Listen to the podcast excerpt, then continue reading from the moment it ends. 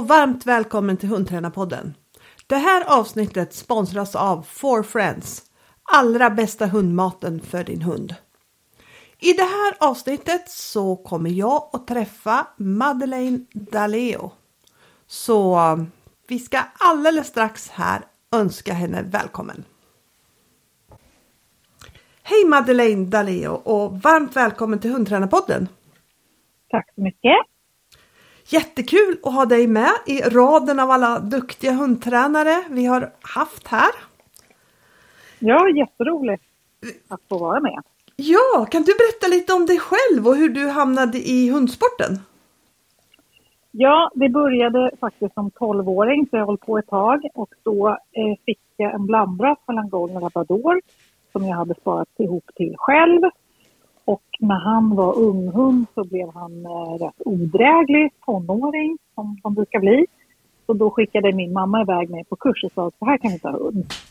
Och då hamnade jag på Stockholmsavdelningen eh, i Kista och gick eh, på Brukshundsklubben där. Och sen så, så småningom så eh, fanns det en Sveriges, eller Stockholms hundungdom där. Och, eh, och sen engagerade jag mig där och eh, blev ordförande så småningom i i Sveriges hundungdom i Stockholmsavdelningen och eh, ja, sen har det liksom trillat på eh, med hund. Jag har alltid haft ett jättestort djurintresse av, med många olika djur. Men ja. jag tror att det här är skärmen med att ha dem hemma och liksom ha den här relationen och även kunna tävla och träna dem. Det är det som lockar mig. Då.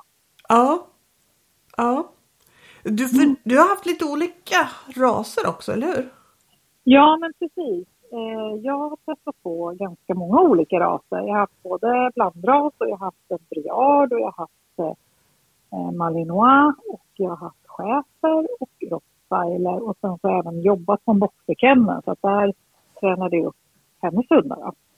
Eh, så det har blivit några genom åren. Och sen har jag haft lite småhundar också, en petit Traverson och en welsh corgi pembroke ett tag. Ja. Så att, ja, det har varit jätteroligt att titta på hundarnas olika egenskaper och, och sådär. Ja, ja, för jag kommer, faktiskt, jag kommer faktiskt ihåg dig från den tiden som du hade blyard.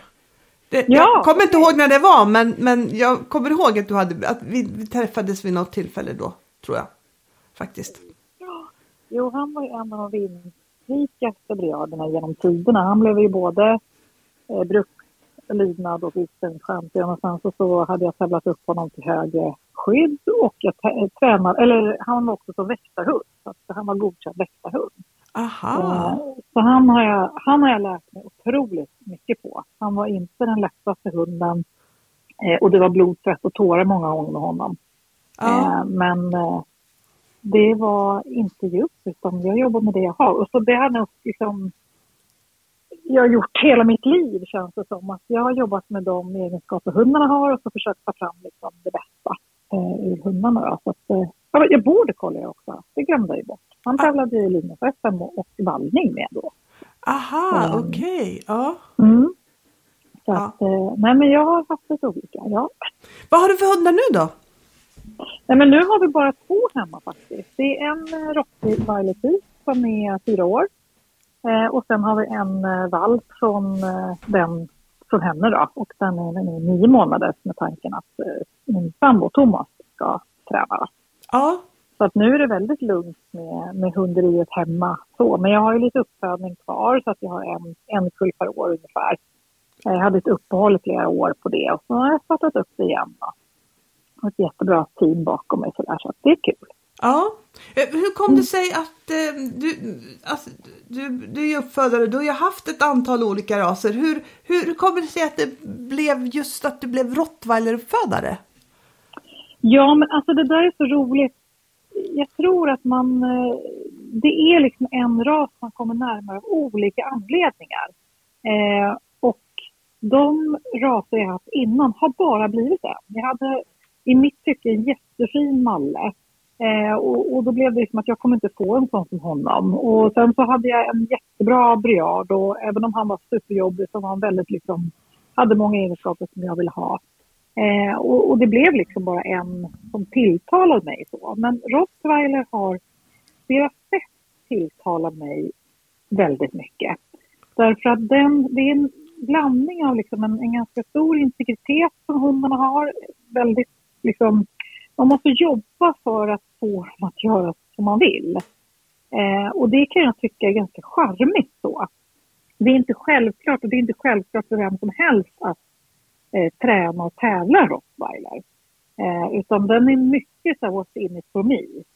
Eh, och jag är nog lite likadan. Att jag vill också liksom, det är därför jag tävlar. Det är inte för att jag tycker det är så kul att träna faktiskt. Utan det är ju tävlandet. liksom, eh, charm som jag tycker. Att, att känna den här adrenalinet och eh, bli nervös och vara på hög nivå på tävling och sådär. Så, så eh, och då har det liksom fallit sig på sin lott att rottweilern den som passade mig bäst.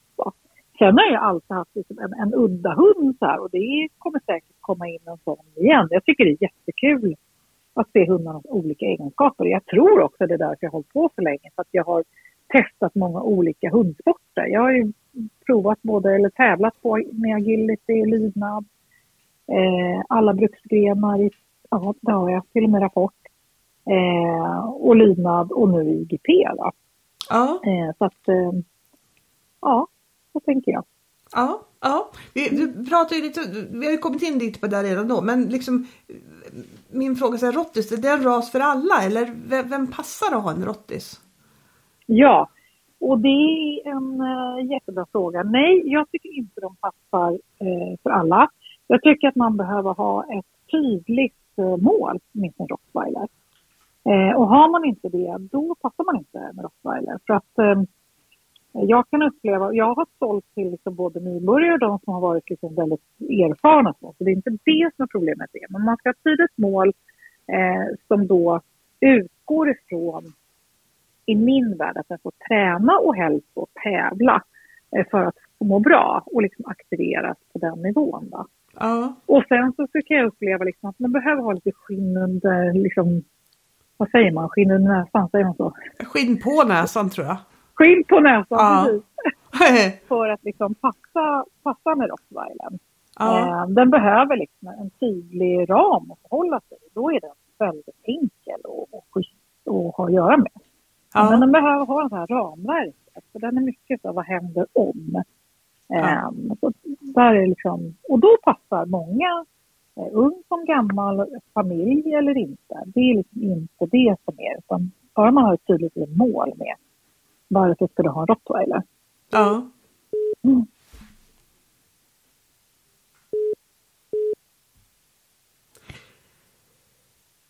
Hur ser.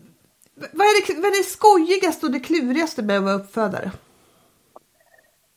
Eh, alltså det skojigaste det är just det liksom, blir kombinationen som jag hade tänkt mig.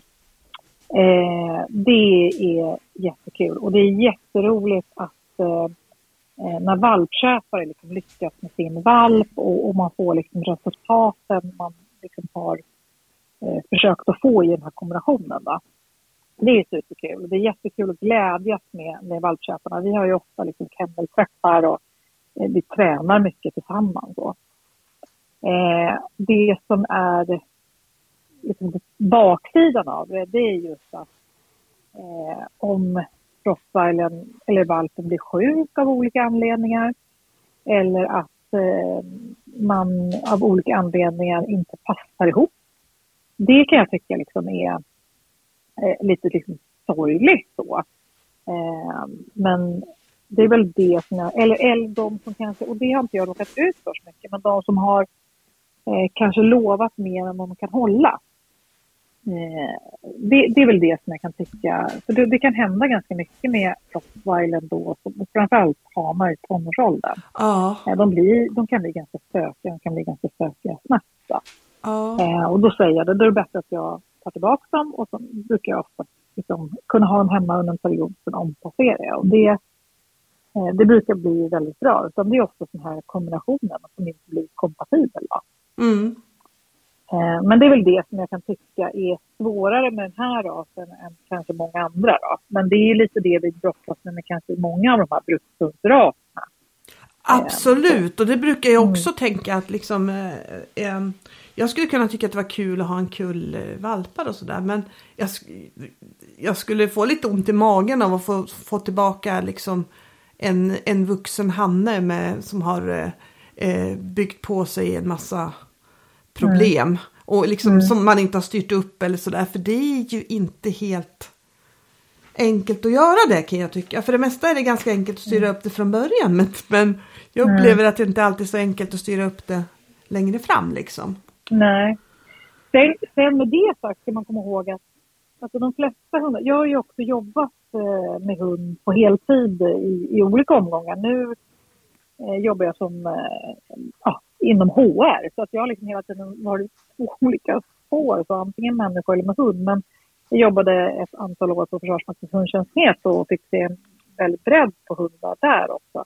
Och det man kan se är att hundar har otroligt lätt för att forma om sig och det är ju en tröst i det här att hundarna lider också inte i liksom att bli omplacerade. Nej. Utan det är människorna bakom då, alltså, och liksom den sorgen. Men hundar är otroligt liksom lättköpta. Så, nu bor jag här och så nu ska jag förhålla mig till de här ramarna. Så det, det är relativt enkelt att liksom kunna styra och forma om en, en, en vuxen hund. Eh, och vissa får man liksom hålla på lite längre med och vissa är liksom enklare med. Men de flesta liksom brukar kunna, kunna göra det mera. Så det är ju väldigt tacksamt. Det är väldigt bra. Ja. Verkligen. Så ofta så är det liksom att det, det är bundet oftast till liksom föraren. Eh, sådana liksom situations liksom problem eller dynamiken däremellan som har liksom vuxit på sig. Mm. Mm. Eh, mm. Hur ser din drömvalpköpare ut då? Och min drömvalpköpare är en sån som eh, har ett tydligt mål med, med sitt köp. Eh, och då säger jag, jag ser ju helst att eh, man tävlar med hunden. Och det är inte för att hunden mår bättre av tävlandet. Men det är ett kvitto för mig som uppfödare att se, har hunden det som krävs när det liksom är motigt, när, när eh, liksom det är mycket folk, alltså är nerverna på plats, är koncentrationen på plats, är motivationen där? Eh, så att där känner jag att, eh, ja, att eh, den valpköparen har ett liksom, tydligt mål med sin, med sin valp och också att eh, eh, den har liksom en, en tänkt idé hur den har den på dagarna och så vidare så att den inte är liksom en hunddagis hund utan ja, man har andra lösningar till dem. Då. Ja. Eh, och, och ha nära kontakt med, med mig som uppfödare. Och jag, och jag vill ju också ha liksom, tydlig så, utvärdering av eh, valpkullen så att eh, de förbinder sig då liksom att röntga och mentalbeskriva och, och, och tävla och träna. Ja. Eh, och, det, och det, jag har fantastiska valpköpare som, som alla har väldigt tydliga mål inom antingen Brux eller IGP. Då. Ja. Så att det är jättekul. Ja, det förstår jag. För det är, ja. det är verkligen en sån grej som jag skulle tycka var kul också. Bara liksom, ja men följa med på, på dem liksom mm. under en lång tid och se, se ja. vad som händer. Ja, ja men, du, precis. Men du, vad, vad kännetecknar dig och din träningsfilosofi? Eh, ja, alltså jag tittar jättemycket på eh, en god relation. Eh, och det bygger egentligen inte... För, för jag, när jag började med det här, då var det mycket... På 80-talet så var det i princip liksom, man skulle rycka hunden till rätt position och det var mycket liksom bestraffningsträning. Och sen ja. kom det mycket belöningsträning eh, och hunden då skulle liksom... All, all, man skulle belöna allt rätt då. Eh, och man kan komma ganska långt med, med den filosofin, men jag tycker att det är lättare att ha en, en god relation, då det här tränandet, det är ganska lätt då. Det vill säga att hunden kan gå i koppel, eh, den kan vara lös, jag kan möta andra hundar och jag kan liksom, jag jagar inte vilt och hela, då blir det liksom lättare i träningsfilosofin. Så det, den grunden bygger jag liksom ganska eh, mycket på. Eh, det är första. Och sen är det och, och, det har också med god relation att göra. Jag bygger jättemycket på liksom lek, att vi har kul tillsammans.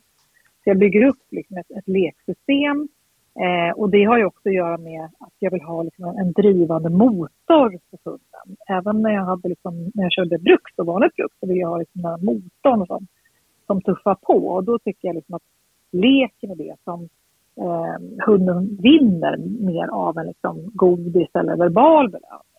Ja. Så att jag bygger upp ganska mycket liksom kamplust, jaktlekar och att hunden kommer tillbaka för att vilja leka mer. Um, och sen i kombination med det så är det mycket koncentrationsövningar eh, och stadgeövningar. Då. Att liksom, lyssna på mig, det lönar sig och då blir det här. Och då kan jag använda godis också. Ja. Så att jag ser det liksom som en trekant där liksom vardagslinorna eh, står i ett hörn, eh, leken står liksom i den andra eh, och sen är liksom träningsmomenten står liksom i, i det tredje hörnet.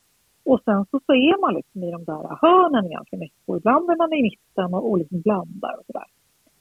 Ehm, så, så, tänker jag liksom att eh, god relation, god grund, tydlighet i min träning. Jag är otroligt tydlig eh, när jag tränar både mina egna och när jag har liksom folk på privatundervisning och kurs. Att hunden ska förstå vad är det jag vill att den ska göra. Ja. Jag upplever ofta att hunden förstår inte. Alltså de hundar som liksom låter, alltså går upp i liksom frustration, det är för att de inte förstår. Eh, eller hundar som lägger ner. Det är också för att man gör ofta för svårt. Hunden har inte förstått konceptet att om det lönar sig att göra som jag säger, för då har vi jättekul.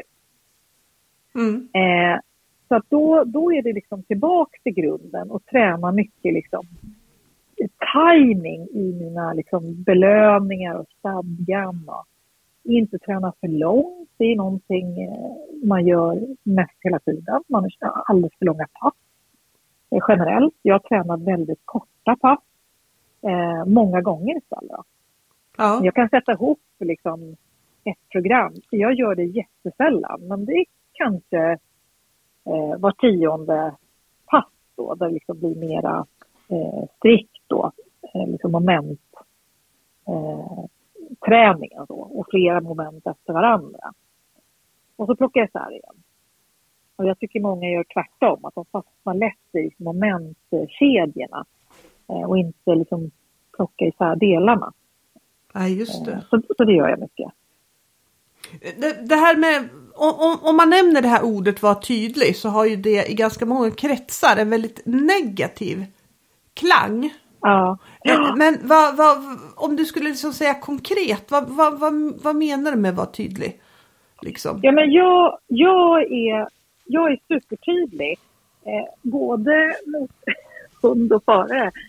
Jag kan ju, alltså vad är det jag säger till min hund och hur säger jag det och varför säger jag det?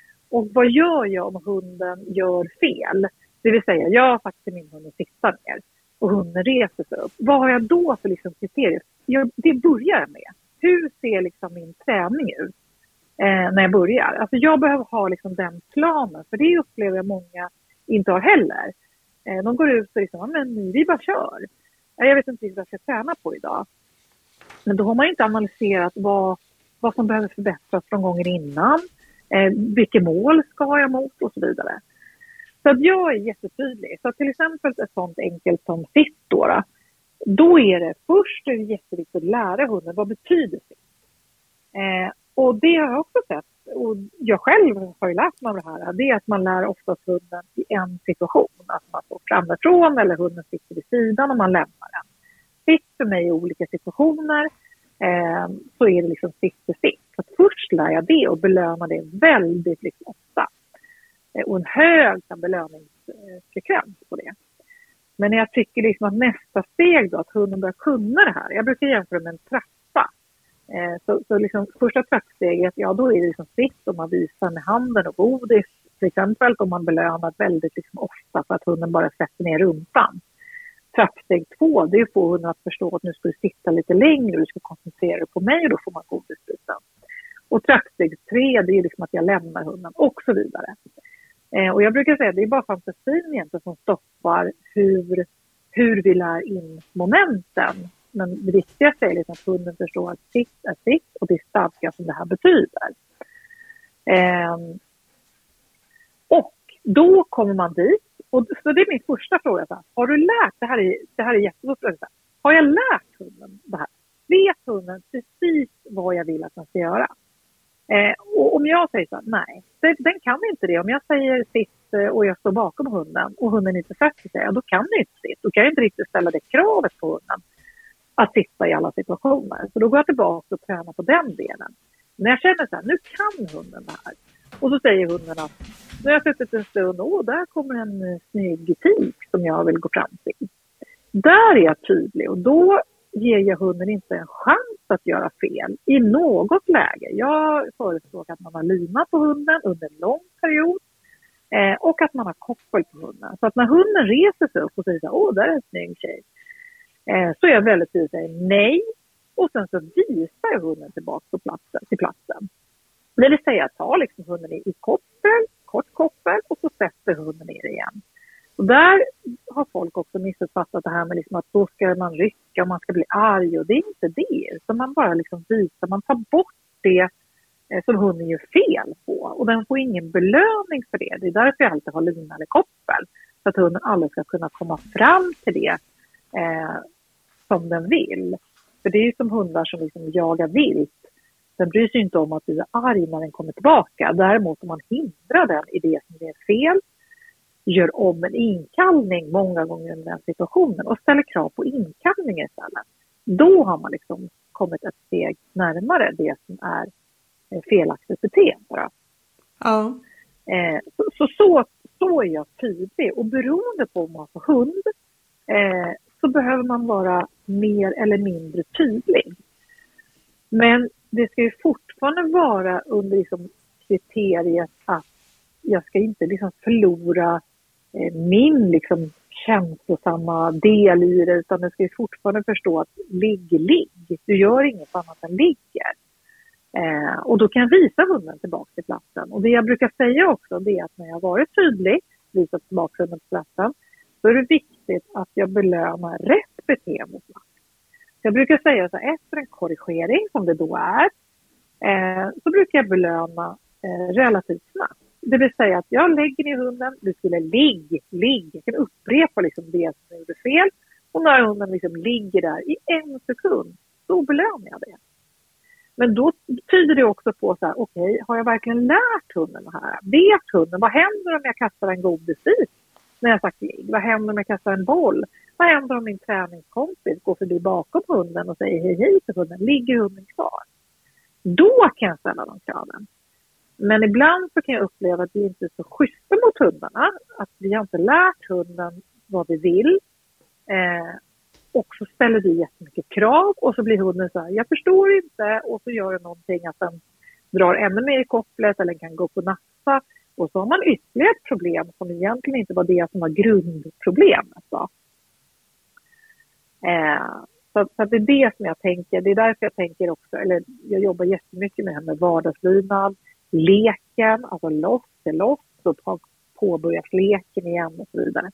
Så att jag tränar mycket det här med att lyssna på mig. Det lönar sig i både då i avslutande av saker och påbörjande av saker. Jag brukar säga aktivitet och passivitet ska också gå hand i hand mm. under träning.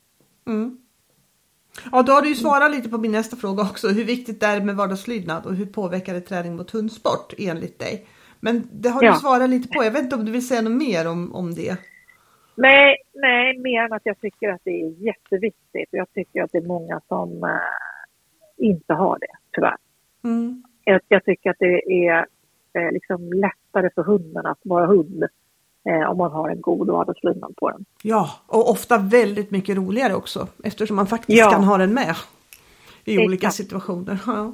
ja, precis. Så det är jag helt, helt enig om det. Och, och, och jag mm. tycker också att det är lite som du pratade om att liksom eh, i relationen så ligger det mm. mycket vardagslydnad. Mm.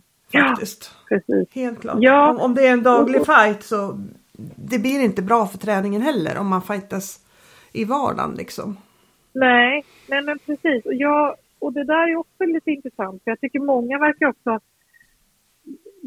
vardagslydnad är lika med kontroll. Och jag tänker precis tvärtom, att förvalta det här området. Om du förvaltar det här området bra, då får du mer förtroende av mig.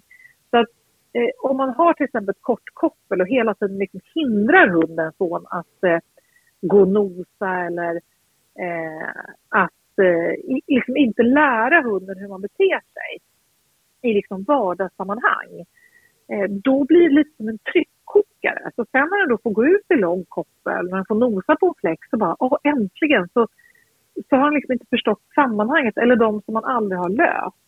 När den då väl får vara löst så blir det som en liksom, och jag äntligen, och så blir det liksom en, en karusell av felaktigheter istället. Eh, så att jag säger det, träna på liksom det här dagligen och ha också en plan för hur vill du att det ska se ut. Och den där planen är superviktig för att det är inte jag som bestämmer hur du ska ha hund utan det är du. Hur vill du att du, din hund ska vara i samhället och med dig? Eh, det, det, är det som liksom ägaren ska forma. Då. Mm. Eh, och då blir det lätt.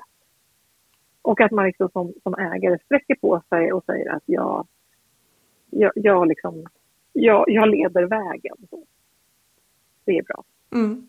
Mm. Tror du att man kan uppfostra hundar då genom att bara belöna rätt beteende? Nej, det tror jag inte. eh, alltså jag tror det till en viss del. Om det inte finns, jag brukar säga så här, om det inte finns några andra yttre påverkan som är mer intressanta än, än dina belöningar, då kan du det.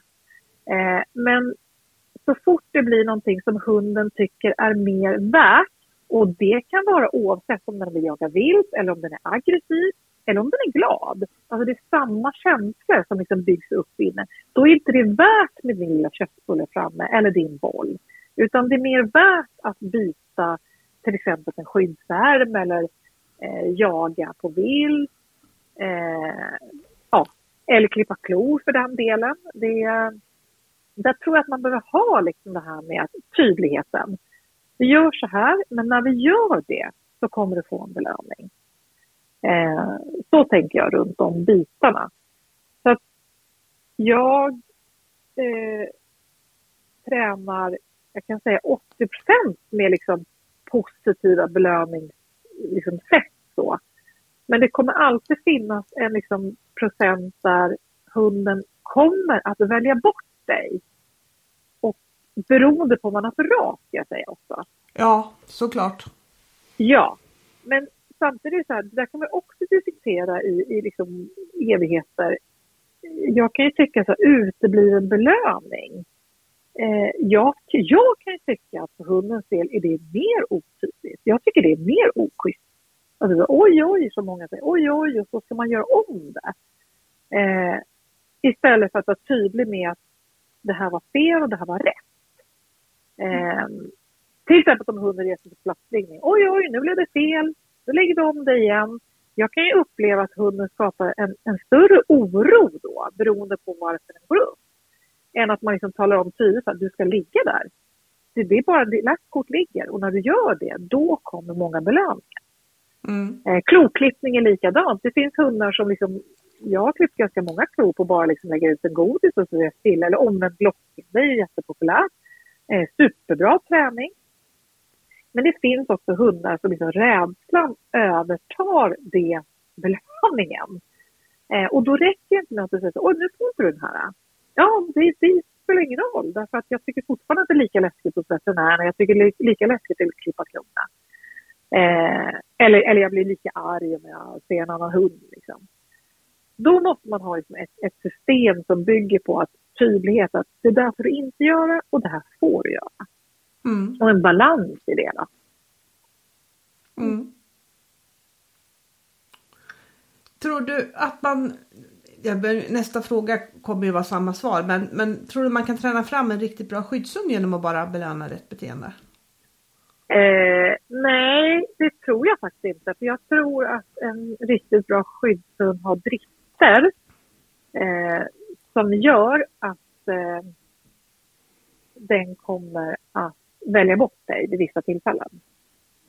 Eh, och då tror jag, eller jag tycker att det är för lång väg att gå. Det är mycket möjligt. Det finns säkert jättemånga duktigare liksom, hundtränare än mig. Men eh, där man liksom lägger ner armen och man börjar liksom om hela tiden. Så där. Men eh, jag tror att det är svårt Eh, att, att liksom det ska gå hela vägen. Sen kan man göra mycket. Jag har ju tränat in liksom transporter just på det sättet. Alltså tryck, tryck vid mitt ben, eh, klicken kommer, du får visa eller du får liksom en boll hos mig. Eh, kom in till mig, då kommer liksom leksaken fram.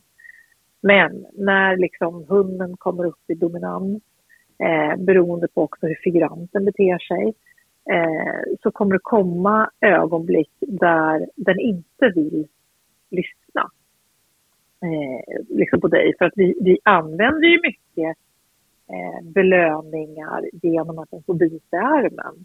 Så det är liksom positiva förstärkningar väldigt mycket i skyddsarbetet. Eh, och då ska liksom, det är den som är balansen hela tiden. Ska man konkurrera med det eh, liksom för att ha en balans i lydnaden.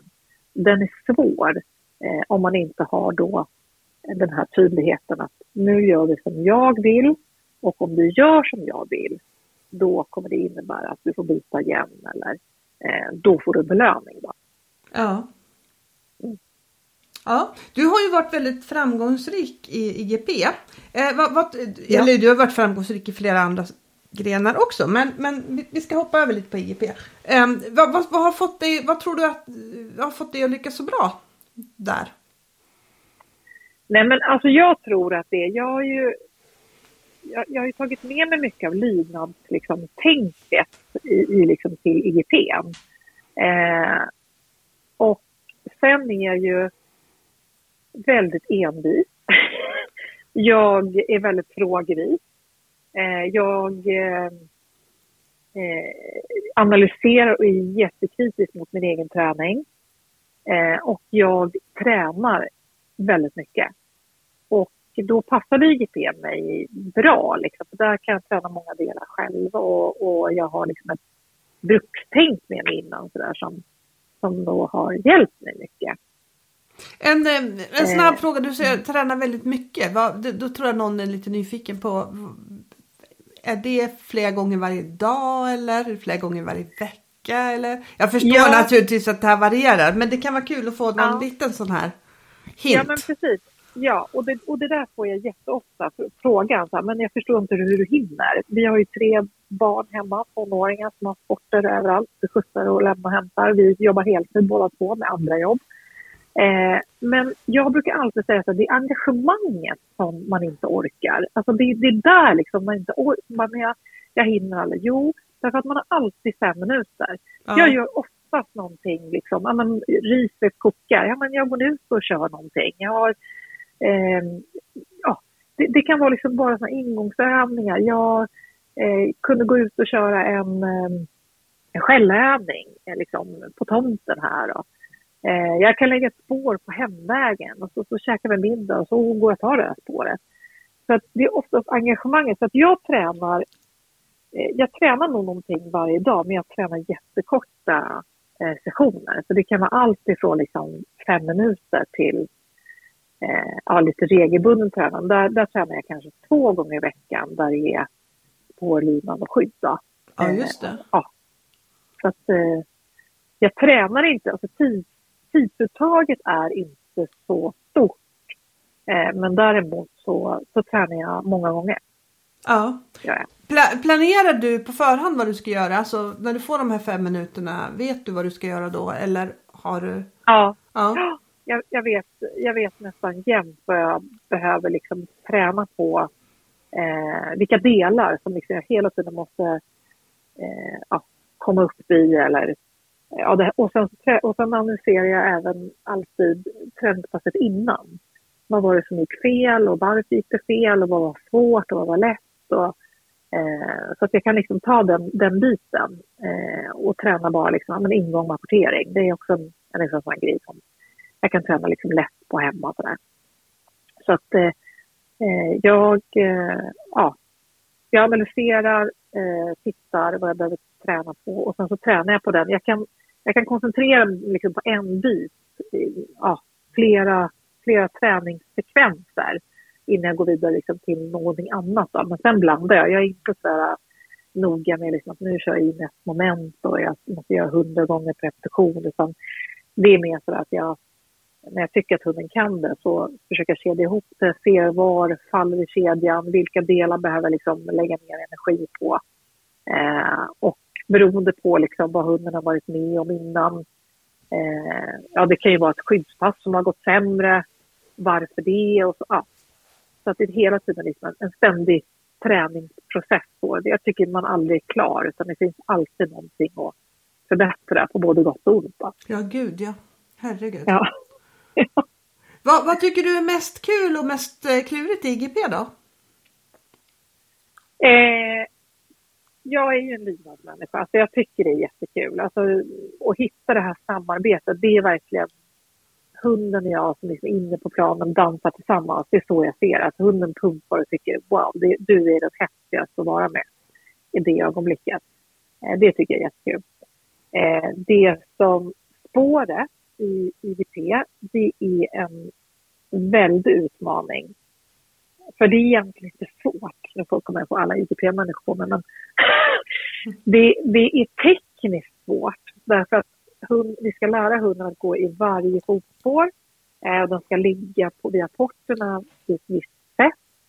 Men det är oftast bara en timmes liggtid, alltså spår, spårnäsan har de. Det är inte där det ställer till det, utan det är just att det är tekniskt, att det ska vara liksom i samma tempo. De får inte ta vinklarna på någonting annat sätt. Liksom det ser ut som en radiostyrd bil.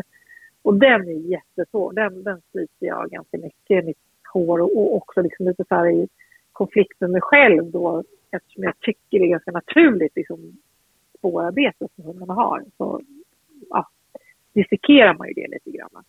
Ja. Och skyddet är ju en annan utmaning där eh, dels liksom eh, ha figurant som man liksom matchar med och eh, har liksom samma träningsfilosofi och, och hitta liksom en väg framåt och dels se Eh, var i träningen ligger man och hur man ska komma dit. Och hela tiden det här konkurrensförhållandet då eh, så, som man har liksom. Du ska lyda mig men inte för mycket.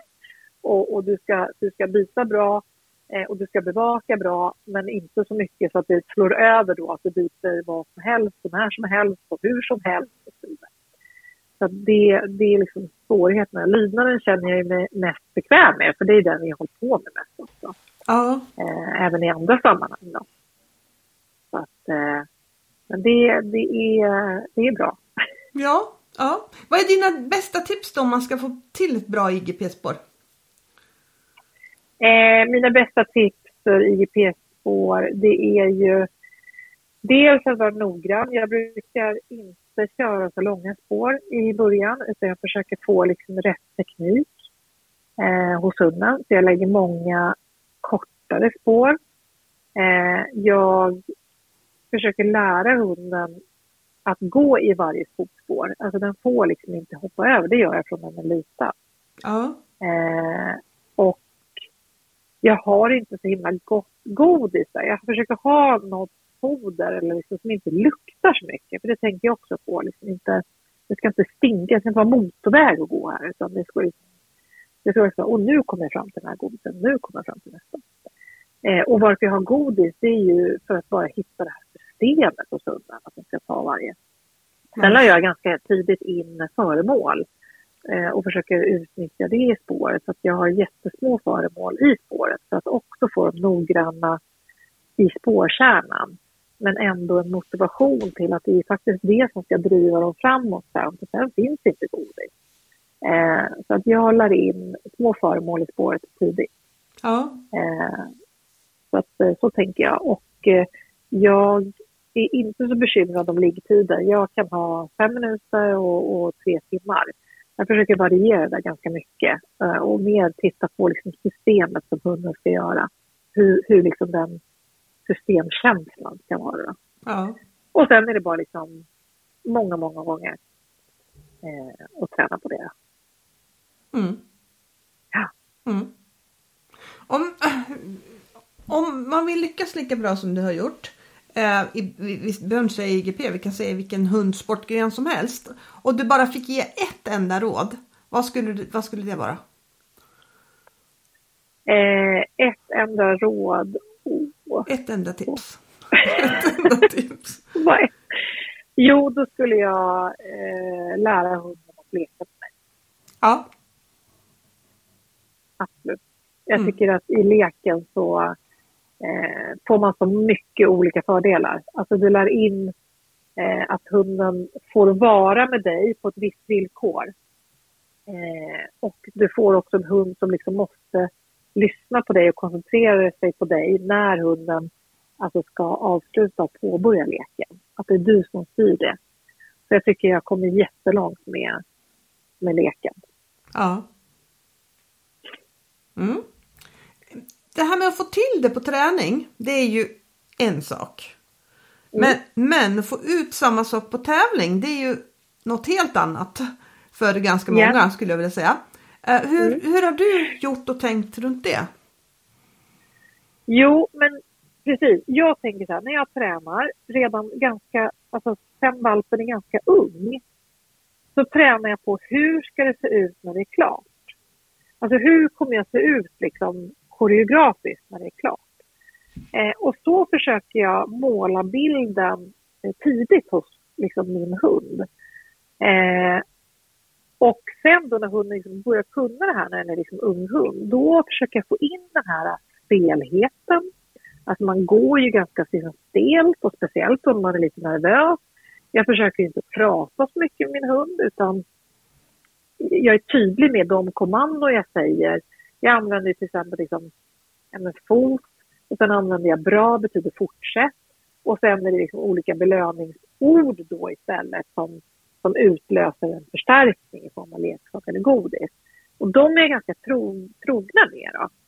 Eh, så det är det, jag försöker tidigt eh, få in liksom min koreografiska position eh, i kombination med att Eh, inte prata så mycket med hunden utan den informationen jag ger är väsentlig. Och sen så går jag väldigt korta pass. Så att det jag gör har jag en, en liksom jättehög spännvidd på. Och då är det typ så här, jag kan bara ställa upp och säga fot och sen belönar jag det. Eller ett steg och belöna. Och det gör jag ganska länge. Så att hunden liksom nästan är så att den går ur position för att den är liksom för taggad då. Eh, men då har jag också lagt in liksom att jag kan ha belöningen på olika ställen, belöningen är gömd och så vidare innan jag liksom kunna avancera med det. Då.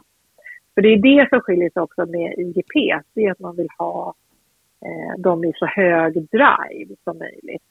Ja. Eh, och, det kan jag, och, och den gillar jag, jag gillar den koncentrationen som, eh, och motivationen som, som det kräver. Ja. Men det är hela tiden en balansgång med hög drive men det ska fortfarande se liksom bra ut så att jag inte får den hoppa. Eh, så, så, så tänker jag runt det. Mm. Um, va, många har ju svårt att få till själva helheten på tävling. Ja. Varför tror, vad tror du det beror på? Nej, men jag tror att det, är, det ser så olika ut när man tränar och tävlar. Ja. Eh, och det är allt ifrån liksom, när man går in på plan, på träningsplan, från liksom, till tävlingsplan. Bara det ser helt olika ut. Människor liksom går och pratar lite grann och börjar liksom eh, locka med godis eller ta upp leksaker och, och när de liksom är på plan. Eh, och sen så eh, gör de det väldigt lätt på träning.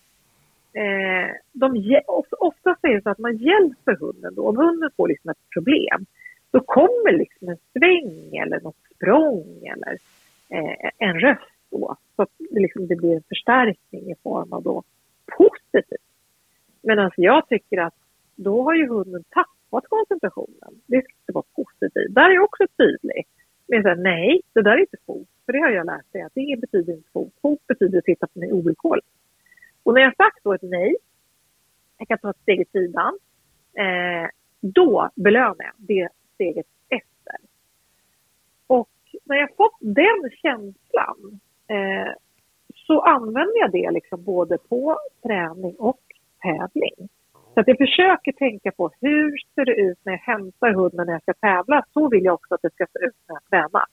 Så att hunden liksom inte tappar förmågan. För det är det som bara, det har aldrig hänt förut. Jag har aldrig tränat så här. Så man ser många hundar bli så här, va?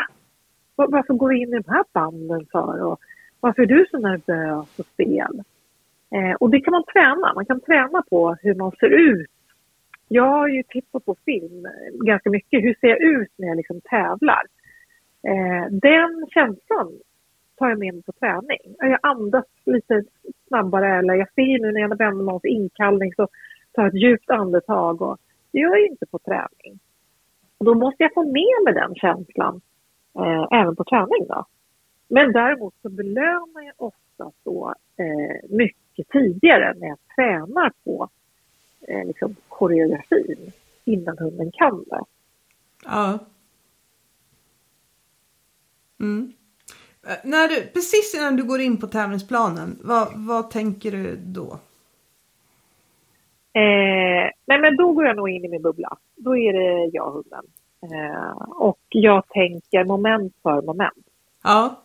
Eh, så då är det liksom så här, nu är det fot och nu ska vi gå till gruppen och nu är det sittundergång och så vidare. Och så har något gått dåligt så släpper jag det ganska snabbt och sen så går jag vidare till nu är det ligg. Och.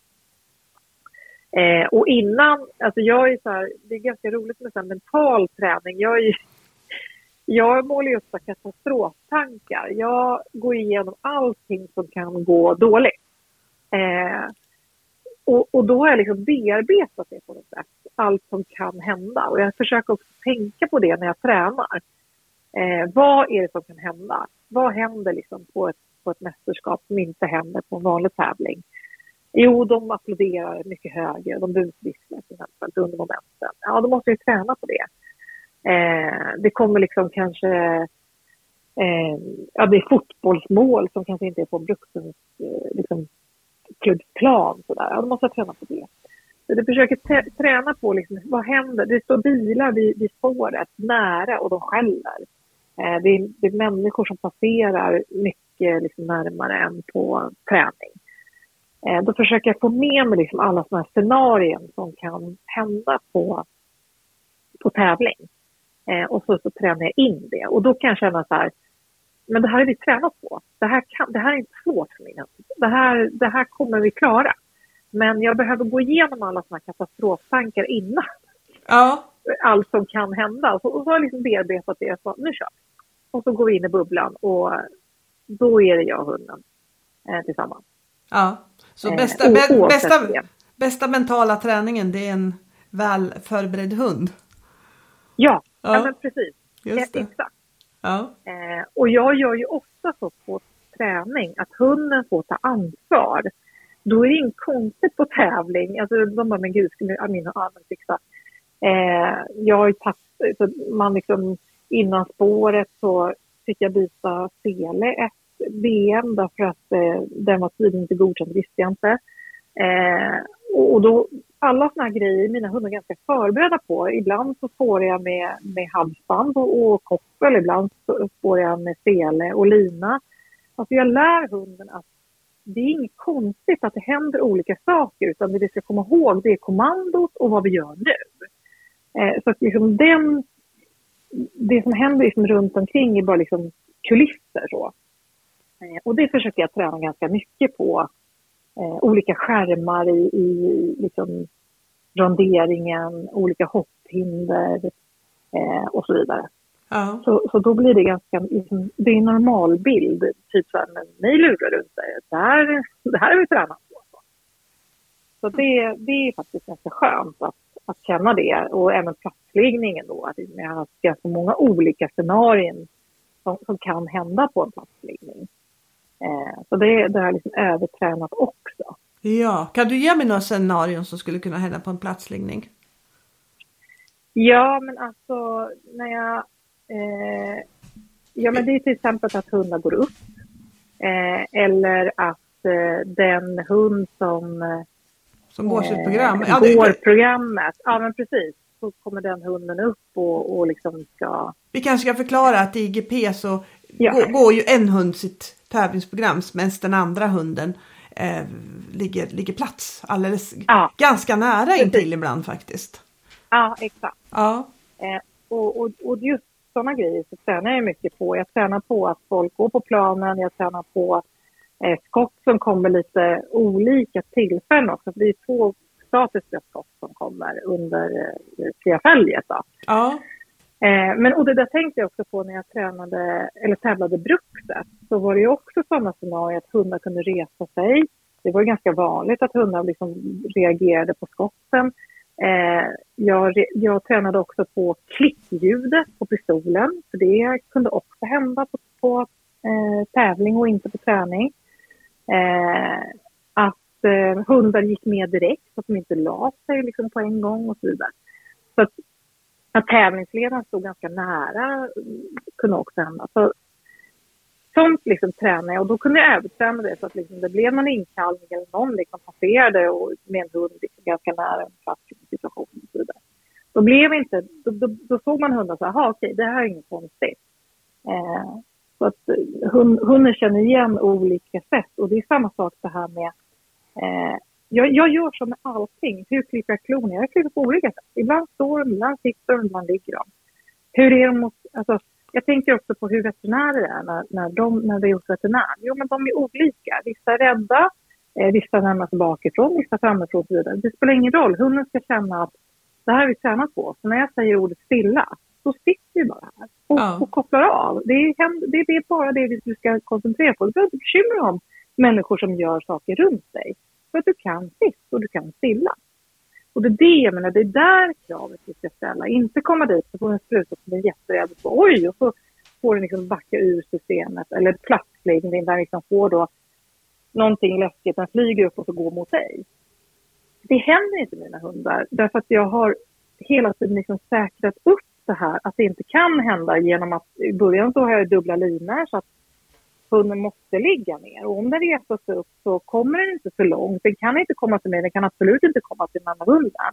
Utan det kan, den kan göra det är att den reser sig upp. Där blir den stoppad av linor. Och då går jag fram lite barskt och säger nej, det där är inte ligg. Ligg! Och så är jag tydlig med det. Ligg, ligg. Eh, och så går jag tillbaka till hela sträckan igen. Och så vänder jag mig om och så säger jag bra, för bra i mina hundars värld betyder fortsätt. Och så står jag där i tre sekunder till och så går jag tillbaka och belönar. Men får fortfarande ligga kvar. Och så, så lämnar jag honom igen. Då skapar man liksom en situation som man säger så här, okej, okay, du har koll på läget, jag ska ligga här därför att du har sagt det, men jag får också mycket belöningar för det.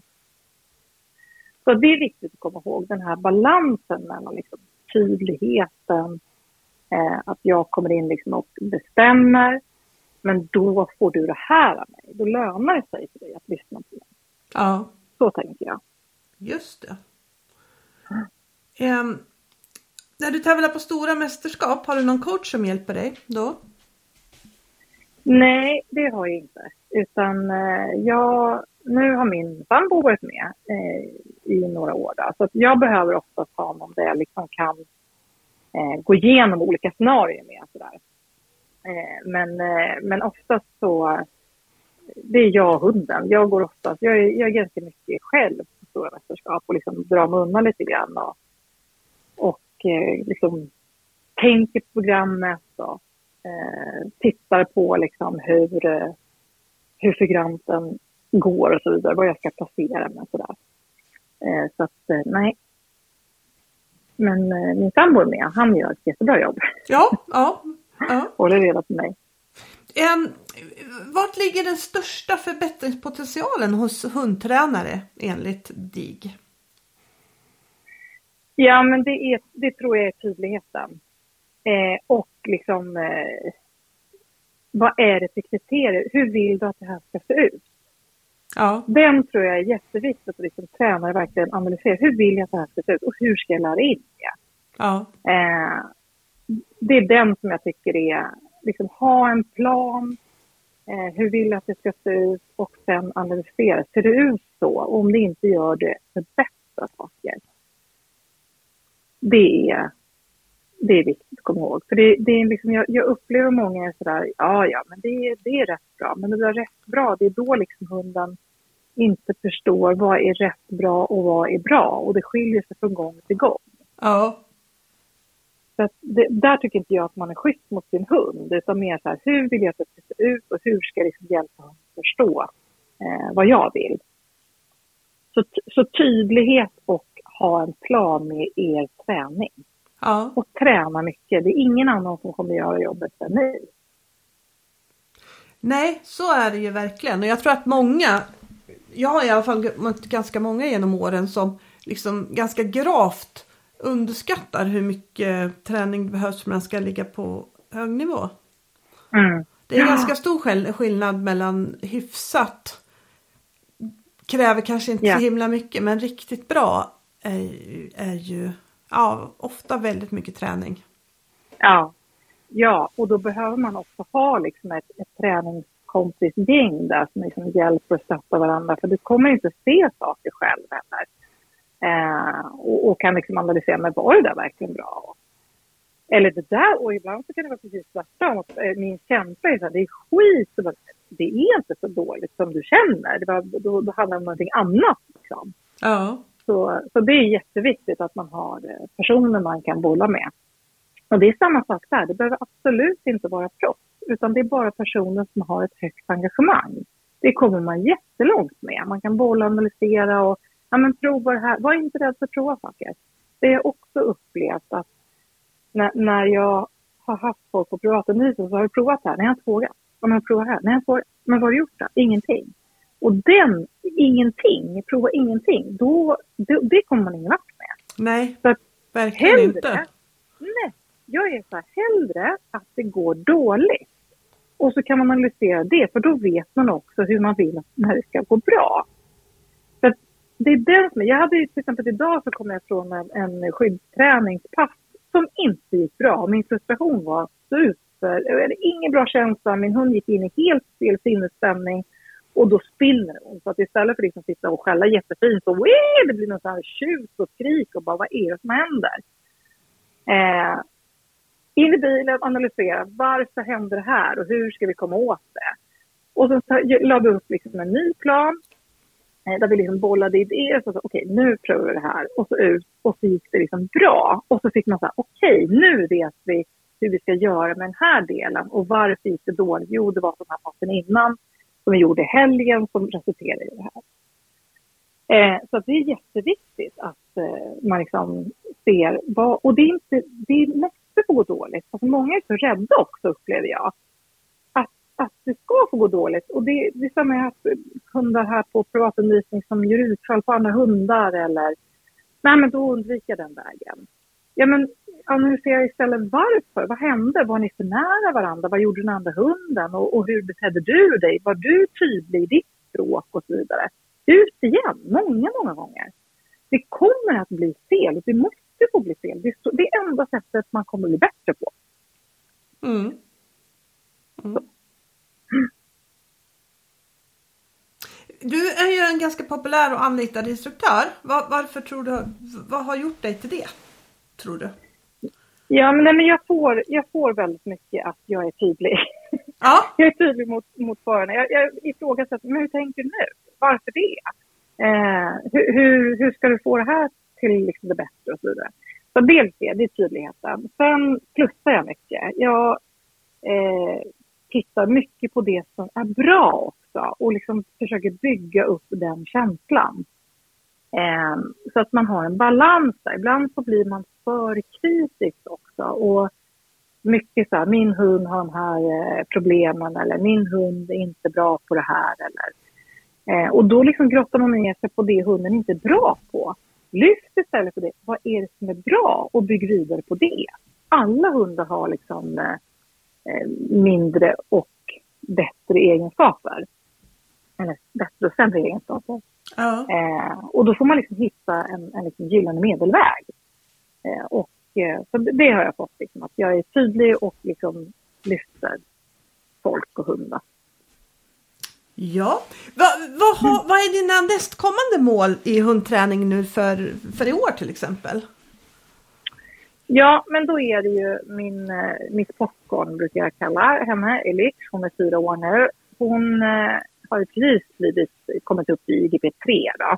Ja, och eh, har tävlat en gång där. Och mitt mål nu det är liksom försöka... Eh, det, I de bästa världar så hoppas jag ju då att kunna kvala in till VM men de har ändrat eh, kvali- kvalificeringsperioden så den är väldigt snäv så att jag tror inte att jag kommer hinna med det. Eh, utan då är i så fall målet att eh, tävla på, på SM då, i IGP ja, och eh, nästkommande år eh, i VM. Då. just det. Just det, spännande. Ja, det är jättekul. Med en ny stjärna på gång. Ja, men precis. Ja. Ja, jättekul.